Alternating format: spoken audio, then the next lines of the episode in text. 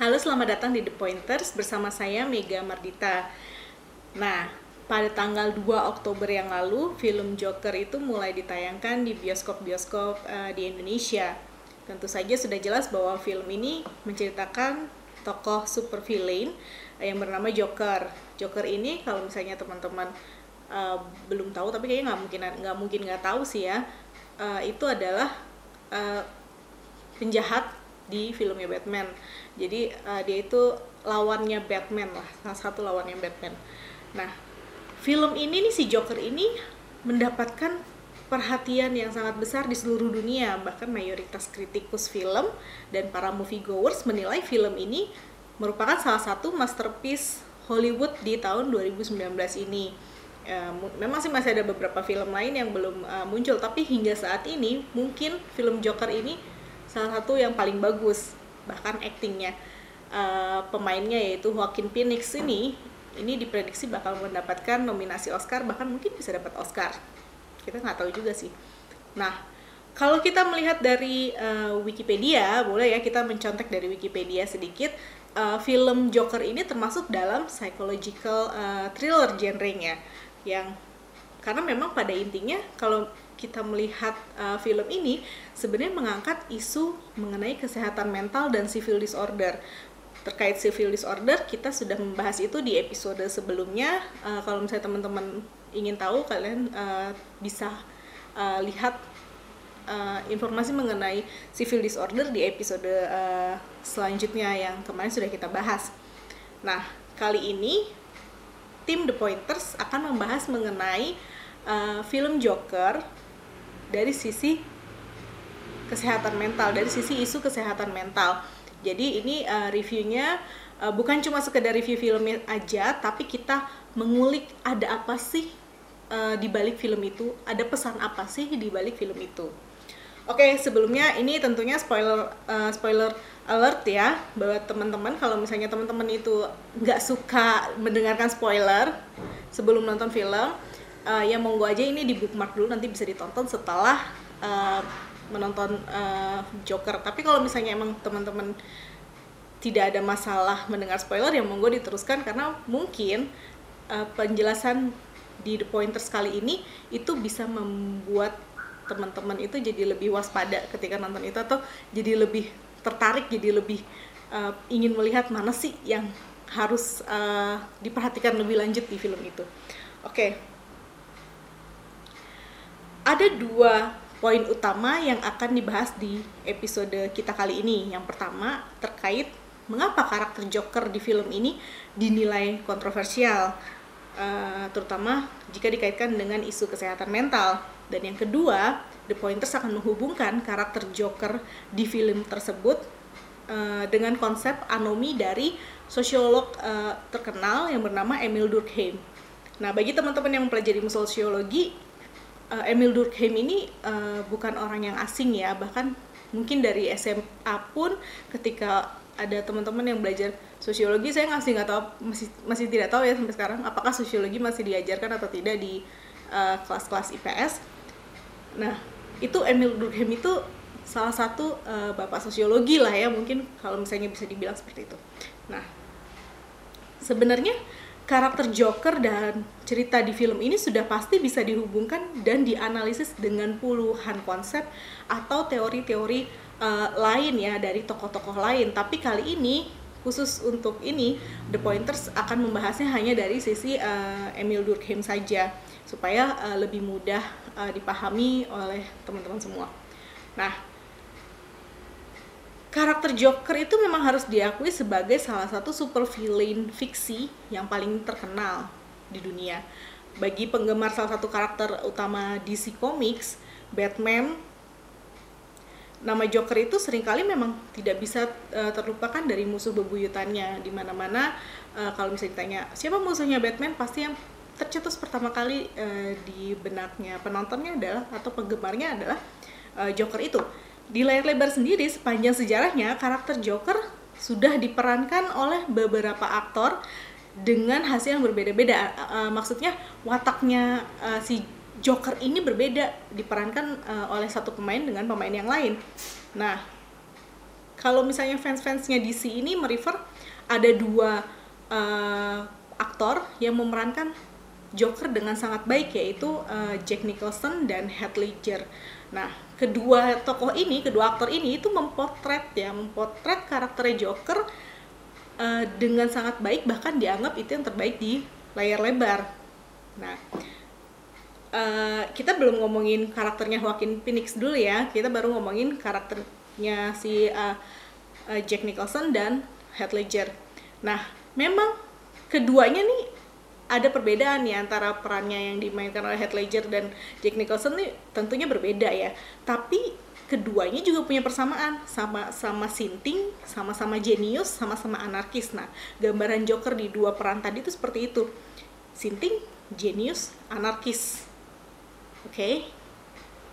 Nah, tapi mungkin karakter Joker yang paling uh, disukai memang si Ledger ya karena uh, movie goers itu merasa Jack, uh, si karakternya Joker yang diperankan oleh Heath Ledger ini lebih agresif, lebih chaotic dalam melakukan aksinya dan uh, kemudian itu dirilis di mana internet memang uh, saat itu lagi booming boomingnya sehingga banyak viral meme-meme uh, yang uh, gambarnya itu si Joker. Nah, saking apiknya acting Ledger ini membuat sebagian penonton itu memuja karakter Joker padahal Joker itu villain. Nah, ini tentunya bermasalah kalau misalnya teman-teman yang belajar psikologi mungkin ini agak agak debatable ya. Nah, beberapa hari menjelang penayangan film Joker terbaru ini nih, uh, pihak kepolisian di Los Angeles dan uh, New York itu terpaksa bekerja lebih keras. Kenapa? Karena jumlah uh, dan ada bukan kenapa ya, maksudnya jumlah petugas yang diturunkan lebih besar dari biasanya karena kepolisian harus standby menjaga bioskop-bioskop yang menayangkan uh, film Joker ini. Kenapa begitu? Karena itu sebagai antisipasi terhadap potensi uh, aksi teror yang menggunakan momen penayangan film uh, Joker tadi. Bahkan pihak tentara angkatan daratnya dan Garda Nasional tuh juga ikut meningkatkan kewaspadaan mereka uh, walaupun nggak nggak nggak maksimal ya maksudnya tidak tidak terlalu banyak lah ya waspadanya. Tapi paling tidak mereka kayak sudah memberikan perhatian terhadap uh, film tersebut. Nah kenapa kenapa sih sampai uh, heboh gini loh pihak keamanannya dalam mengamankan film Joker ini? Nah alasannya sebenarnya karena pada waktu tahun 2012 itu terjadi kasus penembakan massal di sebuah bioskop saat hari pertama penayangan film uh, Batman The Dark uh, The Dark Knight Rises itu yang ketiga ya. Film yang ketiga. Film yang ketiga itu tidak ada Joker. Joker itu ada di film kedua. Nah pelakunya ini disinyalir itu dia melakukan aksi penembakan uh, di bioskop tersebut karena terinspirasi dari Joker yang diper, uh, Joker yang diperankan oleh Heath Ledger waktu di uh, Batman yang uh, the Batman yang kedua. Maksudnya seri yang Dark Knight yang kedua. Nah karakter Ledger yang begitu kuat itu menjadi salah satu alasan inspirasi untuk orang akhirnya uh, berbuat kejahatan saat itu. Tapi ini ini ini lagi-lagi debatable ya. Maksudnya tidak langsung bahwa Ledger kemudian menjadi inspirasi kejahatan itu pastinya tidak langsung. Nah, pihak keamanan nggak mau nih ini terjadi lagi. Mereka sadar Joker baru yang diperankan oleh Joaquin Phoenix ini akan memiliki apa reputasi yang sangat baik. Kenapa? Karena Joaquin Phoenix ini kita tahu track recordnya seperti apa. Track record actingnya itu bagus-bagus, uh, perannya bagus-bagus sekali gitu kan. Kalau misalnya kita uh, lihat film-filmnya sebelumnya. Dan di hari pertama teaser film Joker diperkenalkan dengan Phoenix sebagai pemerannya, itu jagat internet sempat menggila netizen itu uh, ngomongin banget lah ya mengenai uh, Joaquin Phoenix ini menjadi uh, Joker karena apa? Mereka percaya Joaquin Phoenix itu bisa memerankan uh, film Joker, memerankan Joker dengan sangat baik. Antisipasi dan harapan bahwa karakter Joker akan diperankan dengan gemilang oleh Phoenix itu terus bertambah saat trailer demi trailer yang mengangkat tema origin atau asal usulnya Joker ini uh, muncul satu persatu kan. Ekspektasinya benar-benar meroket saat film ini ternyata memenangkan Golden Lion Award uh, uh, sebagai film terbaik di uh, Venice Film Festival. Kan ini festival yang sangat bergengsi dan jarang-jarang film Hollywood berbudget besar itu bisa uh, menang penghargaan di situ kan. Tapi ini bisa menang berarti kan filmnya memang luar biasa extraordinary bagus gitu. Nah film ini selain filmnya bagus sudah pasti aktingnya Phoenix juga mendapat pujian yang luar biasa tinggi.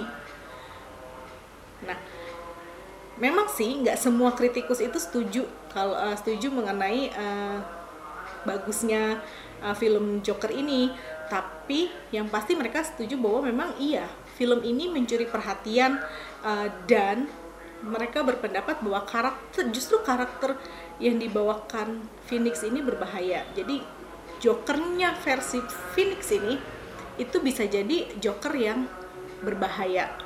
Gitu kritikus menganggap seperti itu. Ya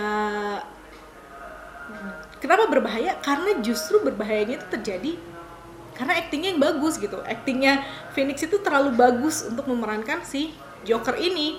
Nah bisa aja sih memang pemikiran mengenai kontroversi terkait karakternya si uh, Joker ini itu bisa jadi memang bagian dari part of content marketingnya pihak studio kan dibikin ada kontroversi sehingga uh, meningkatkan pembicaraan di lini masa kemudian akhirnya uh, meningkatkan curiosity orang untuk datang ke bioskop dan nonton. Ya memang itu bisa jadi bagian dari uh, marketing gitu. Tapi anggapan berbahaya ini bisa jadi masuk akal sih sebetulnya. Uh, ketika para kritikus bilang uh, karakternya Joker di film ini tuh bisa sangat berbahaya. Yes, memang itu beralasan. Karena yang pertama Pak, ini film mengenai uh, jenisnya film origin ya atau film asal usulnya si Joker. Jadi bagaimana Joker itu bisa menjadi uh, penjahat gitu. Jadi ada proses bagaimana Joker yang tadinya orang biasa kemudian bisa jadi penjahat itu diceritakan di film itu. Dan yang kedua, karakternya Joker yang sebelum dia jadi Joker itu namanya Arthur Fleck. Ini punya perbedaan yang sangat kontras dari peran-peran Joker yang sebelumnya uh, dari peran-peran Joker sebelumnya yang tadinya dimainkan oleh uh, Jack Nicholson dan Heath Ledger itu beda banget karakternya. Bahkan mungkin kita bisa bersimpati sekali dengan karakter Joker yang uh, dimainkan oleh Joaquin Phoenix ini. Nah umumnya di layar lebar tokoh Joker itu digambarkan uh, villain yang komplit lah ya. Dia sinting dia karismatik dia flamboyan dia agresif dia berani dia jenius. Pokoknya dia itu seorang mastermind yang mampu merencanakan aksi kejahatan dengan plot-plot yang baik kemudian dengan uh, strategi yang teatrikal tapi semuanya penuh perhitungan kita melihat itu di dua film yang sebelumnya yang yang ada Jokernya ya. Nah, keberadaan Joker di film-film yang uh, Heath Ledger dan filmnya Jack Nicholson ini tuh menjadi teror tersendiri bagi warga Gotham gitu. Memang di film itu digambarkan seperti itu. Joker memberikan teror ke uh, ke warga Gotham. Nah, intinya bagi mayoritas penonton film, Joker itu merupakan tokoh villain yang intelektual jadi dia tuh pinter ya intelektual uh, dan punya aksi yang mungkin orang biasa nggak pernah terpikirkan gitu di uh, film di filmnya Ledger dan di filmnya Nicholson. Nah, Joker itu adalah villain favorit ya atau musuh favorit, tapi karakteristiknya itu tetap di awang-awang tuh yang di film-film sebelumnya. Gak mungkin lah orang bisa meniru uh, menjadi joker gitu. Karena itu kayak butuh banyak sekali uh, effort atau usaha yang diperlukan untuk bisa menjadi super villain seperti itu. Itu sangat awang-awang lah buat masyarakat. Nah tapi kali ini joker ala phoenix ini benar-benar berbeda. Totally different. Jadi karakter joker di sini tuh sangat justru sangat grassroots uh, artinya tuh sangat di ada di akar rumput ya. Jadi di sangat grassroots sangat membumi dan mungkin relatable dengan uh, hampir seluruh warga di planet bumi ini gitu. Jadi jadi yang berbahaya tuh justru karena karakter ini sangat related ya sangat relatable dengan uh, semua orang. Nah Arthur Fleck nih si Joker sebelumnya namanya Arthur Fleck itu digambarkan sebagai warga kelas bawah kota Gotham yang dari hari ke hari keadaannya itu makin memprihatinkan baik secara ekonomi maupun sosial sudah pasti banyak dari kita yang berada di uh, kelas sosial tersebut kan. Nah, pada saat itu, pada saat uh, diceritakan mengenai asal usulnya si Joker ini, toko-toko milik pengusaha lokal di kota Gotham itu berguguran. Kriminalitas bertambah tinggi, sampah-sampah milik warga bahkan nggak kunjung diangkut oleh dinas kebersihan. Nggak tahu mungkin nggak ada budget atau apa. Kemudian terjadi pemogokan sampai akhirnya wabah tikus. Nah, ini artinya kondisi kotanya sudah sangat buruk sekali. Nah, Fleck di sini, uh, Arthur Fleck tadi ini berpro berprofesi sebagai badut panggilan. Gajinya nggak besar ya, gajinya kecil uh, dan dia masih harus merawat ibunya. Jadi uh, kebanyakan gaji dia itu digunakan untuk merawat ibunya. Nah, sebagai badut, Fleck ini sering dibully karena memang dia juga uh, fisiknya lemah uh, banyak uh, disformitas. Kalau kita lihat di filmnya banyak disformitas uh, tulang gitu ya mungkin akibat dia dibully gitu. Dia sering dibully dihajar preman kemudian bahkan sering dipotong gaji sampai akhirnya dia uh, dipecat dari pekerjaannya tuh di uh, sebagai badut. Padahal dia suka pekerjaan badut. Ya nggak tahu sih apakah dia benar-benar suka atau memang tidak ada pekerjaan lain yang bisa dia uh, kerjakan atau yang tidak yang yang bisa dia lakukan selain menjadi badut itu kan. Nah setelah dia dipecat jadi badut dia tuh sebenarnya pengen menjadi uh, stand up comedian. Itu memang cita-cita dia dari uh, dari lama ya dari semenjak dia menjadi badut pun dia pengen jadi stand up comedian tapi belum ada kesempatan. Nah setelah dia dipecat dia uh, membulatkan tekad untuk menjadi stand up comedian. Tapi sayangnya keinginan Fleck ini atau cita-citanya Fleck ini tuh terhalang karena kondisi medisnya dia.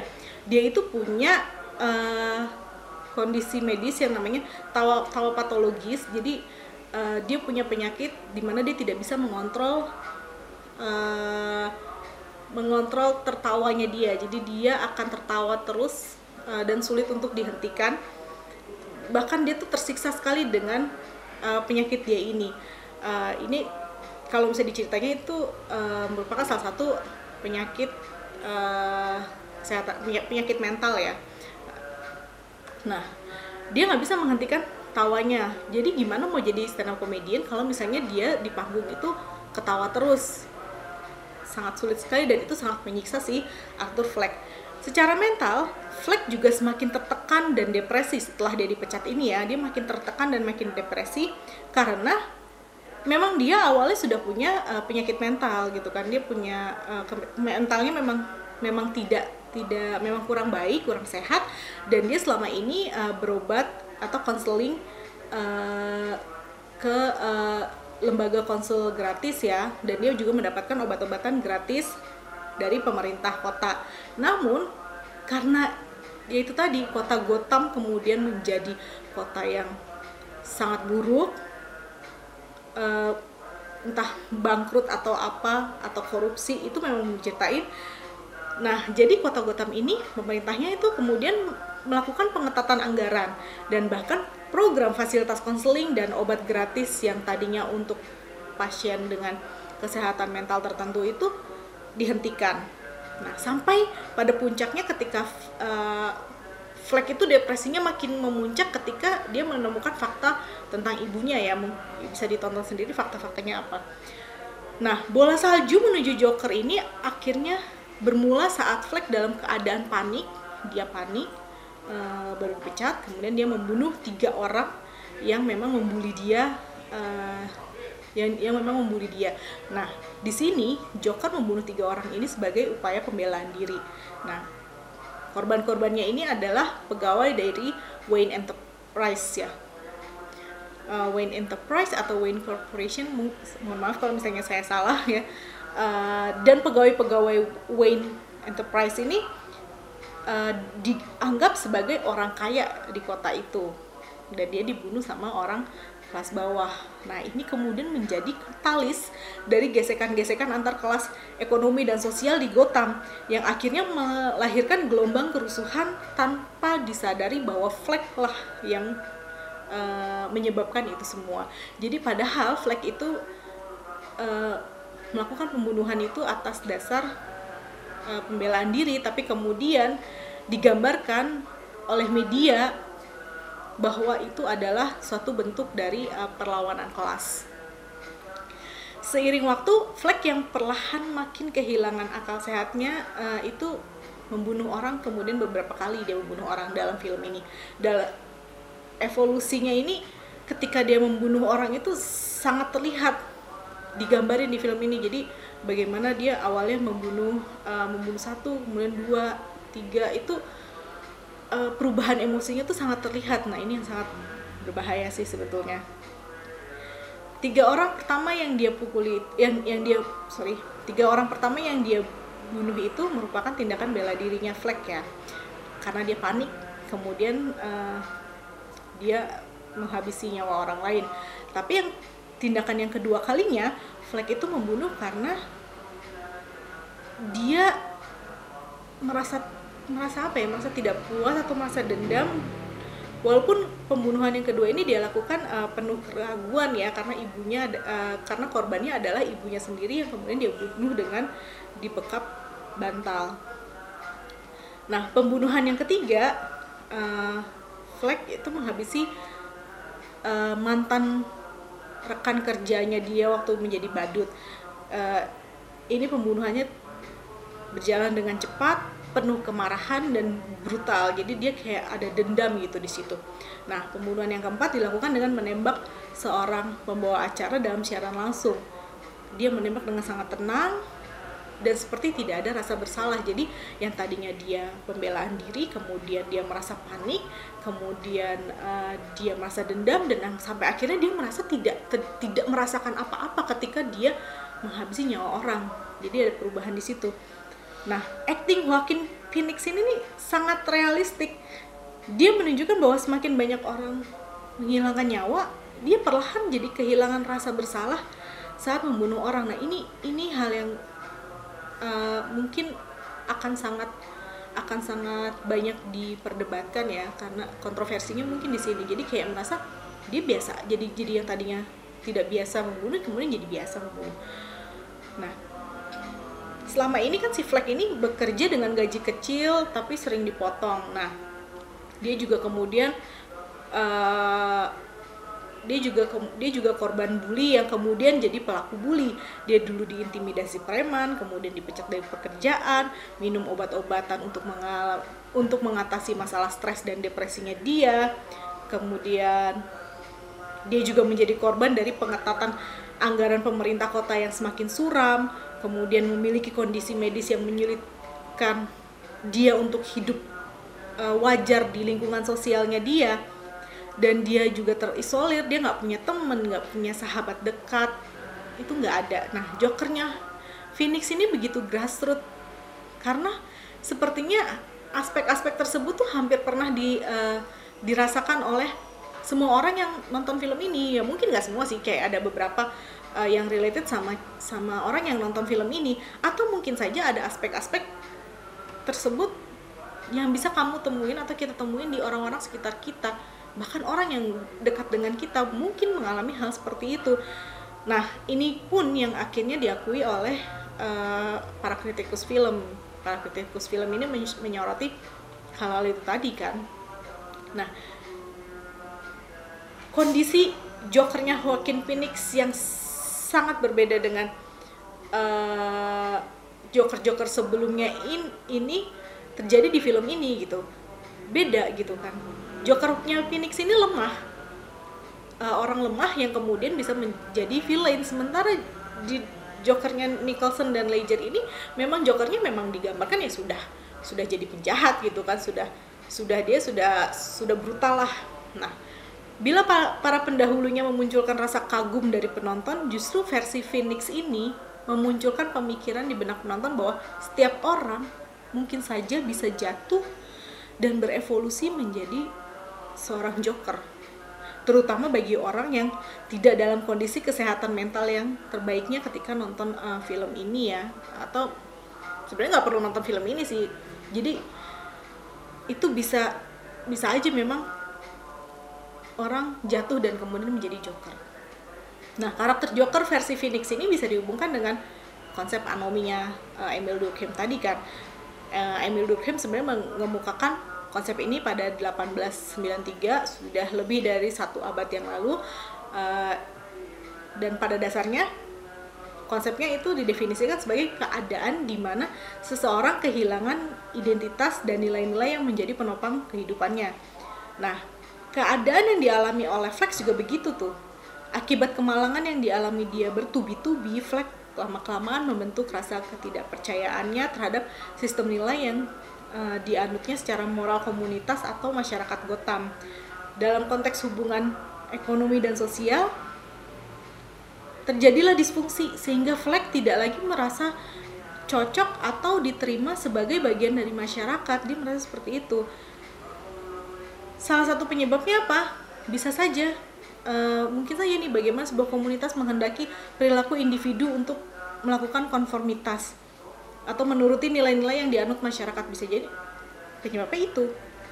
Sebagai orang dengan kondisi kesehatan mental yang sangat terganggu justru harapan itu makin menjauhkan dan menekan dirinya gitu. Ketika ketika masyarakat menginginkan dia untuk menjadi karakter tertentu yang diterima di masyarakat justru ada penolakan di orang itu. Dia merasa tidak nyaman dengan dengan uh, dengan uh, konformitasnya masyarakat atau nilai-nilai yang oleh masyarakat. Dan akhirnya apa? Dia menjauhkan diri dari masyarakat orang ini. Nah ini terlihat dari dialog-dialog yang melibatkan Fleck terutama uh, ada dialog yang mengatakan bahwa worst thing about having mental illness is that people expect you to act like you don't. Artinya, jadi gini, hal yang paling buruk ketika ketika seseorang mempunyai uh, sakit mental ya, uh, sakit mental itu adalah orang-orang sekitarnya itu uh, menginginkan kita itu tidak apa ya kita itu berperilaku bukan orang yang sakit mental gitu. Jadi orang-orang sekitar kita mengharapkan ya kalau lu sakit mental ya udah pura-pura aja lu sehat gitu kan. Padahal tidak seperti itu harusnya. Harusnya mereka tetap apa memberikan support dan memberikan uh, perhatian lebih kepada orang-orang yang memang butuh untuk uh, menyembuhkan dirinya. Nah pada secara mental ini tadi sudah dikatakan Fleck itu sebenarnya butuh bantuan tapi tidak terjadi karena nggak ada orang yang menolong dia. Nah Fleck nggak tahu tuh dia harus melakukan apa dan akhirnya dia hanya merasa selalu dikecewakan oleh kehidupan uh, yang ada di Gotham dia merasa teralienasi kemudian akhirnya Fleck berevolusi menjadi Joker yang kita tahu seperti apa kejamnya Nah, Durkheim sebenarnya membahas konsep anomi terkait dengan perilaku uh, bunuh diri awalnya. Jadi uh, analisisnya ini dilakukan terhadap fenomena yang terjadi di masyarakat Eropa pada masa itu uh, banyak orang yang bunuh diri. Anomi menjadi salah satu faktor terbesar dalam pembentukan keputusan seseorang uh, untuk bunuh diri. Ini juga terlihat beberapa kali dari catatan jurnalnya Fleck ya. Fleck itu kan di, uh, di ada adegan dia harus menulis jurnal dan dia di jurnal itu dia sempat berpikir untuk uh, bunuh diri. Jadi karena itu tadi dia mengalami anomi lebih jauh lagi, Durkheim mengatakan bahwa anomi biasanya terjadi di uh, wilayah-wilayah uh, yang memiliki perubahan ekonomi dan sosial baik yang perubahannya baik maupun perubahannya buruk itu sering kali terjadi uh, orang-orang uh, mengalami anomi.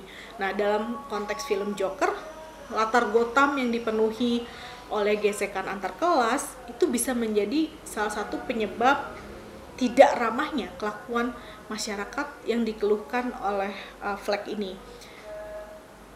Dengan ini kemudian cukup menjelaskan bahwa anomi bisa menjadi salah satu faktor jatuhnya. Kalau ini menurut Hawking Phoenix ya, waktu diwawancara, jatuhnya Fleck. Jadi bisa jadi dia karena anomi. Fleck mungkin tidak bunuh diri, tapi mekanisme coping yang diambil uh, Fleck adalah menghapus karakternya dia jadi membunuh karakternya dia. Padahal tadinya Fleck itu uh, orang yang penuh rasa kasihan kepada orang lain tapi kemudian dia bunuh karakternya dia itu uh, karakter aslinya dia itu dia bunuh kemudian dia memunculkan karakter baru yang bernama Joker. Dan dia merasa Gambaran Fleck yang perlahan berevolusi menjadi Joker itulah yang sering kali mendapatkan empati dari penonton film ini termasuk juga dari para kritikus. Karena Joker ini yang gambaran orang biasa kemudian berubah menjadi uh, sosiopat dan kemudian berubah menjadi psikopat. Itu alasan-alasan yang sebenarnya down to earth gitu sering kita temukan di uh, banyak tempat nah ini yang kemudian menjadi kekhawatiran sebagian pihak yang merasa ngeri karena Joker versi Phoenix ini justru akan lebih mudah menginspirasi orang-orang dibandingkan uh, versi Nicholson dan Ledger. Apalagi tahun 2020 nanti nih diprediksi akan terjadi resesi global yang tentu saja um, sedikit banyak akan menimbulkan persoalan kondisi ekonomi dan sosial. Jadi banyak pihak yang merasa bahwa takut ada orang yang terinspirasi dari Joker yang sekarang bahkan pihak studio pun mengeluarkan press release resmi ya saking takutnya ada orang yang terpengaruh uh, yang di dalam press release-nya ini intinya mengatakan bahwa kondisi Gotham dalam film ini didasarkan uh, tidak maksudnya tidak didasarkan pada kesengajaan apa pun terkait kondisi politik dan ekonomi di dunia nyata. Namun langkah studio ini sekali lagi bisa saja hanya bagian dari marketing supaya memperkuat hype uh, kemudian wawancara-wawancara uh, Phoenix dengan dan Todd Phillips sutradaranya itu yang menekankan bahwa ini adalah skenario film ya bisa saja. Itu memang uh, bagian dari uh, konten marketingnya uh, si Joker. Tapi ada hal nih yang kemudian uh, bisa kita uh, ambil bukan kita ambil ya maksudnya ya maksudnya bisa kita bisa kita renungi dari uh, film Joker ini. Dengan melihat Joker ini mungkin kita sebenarnya harus bertanya dari harus bertanya kepada diri kita sendiri ya apakah ada Joker di diri kita? Atau bahkan mungkin justru kita yang menciptakan Joker-Joker di sekeliling kita. Silahkan direnungkan kembali. Sampai jumpa kapan-kapan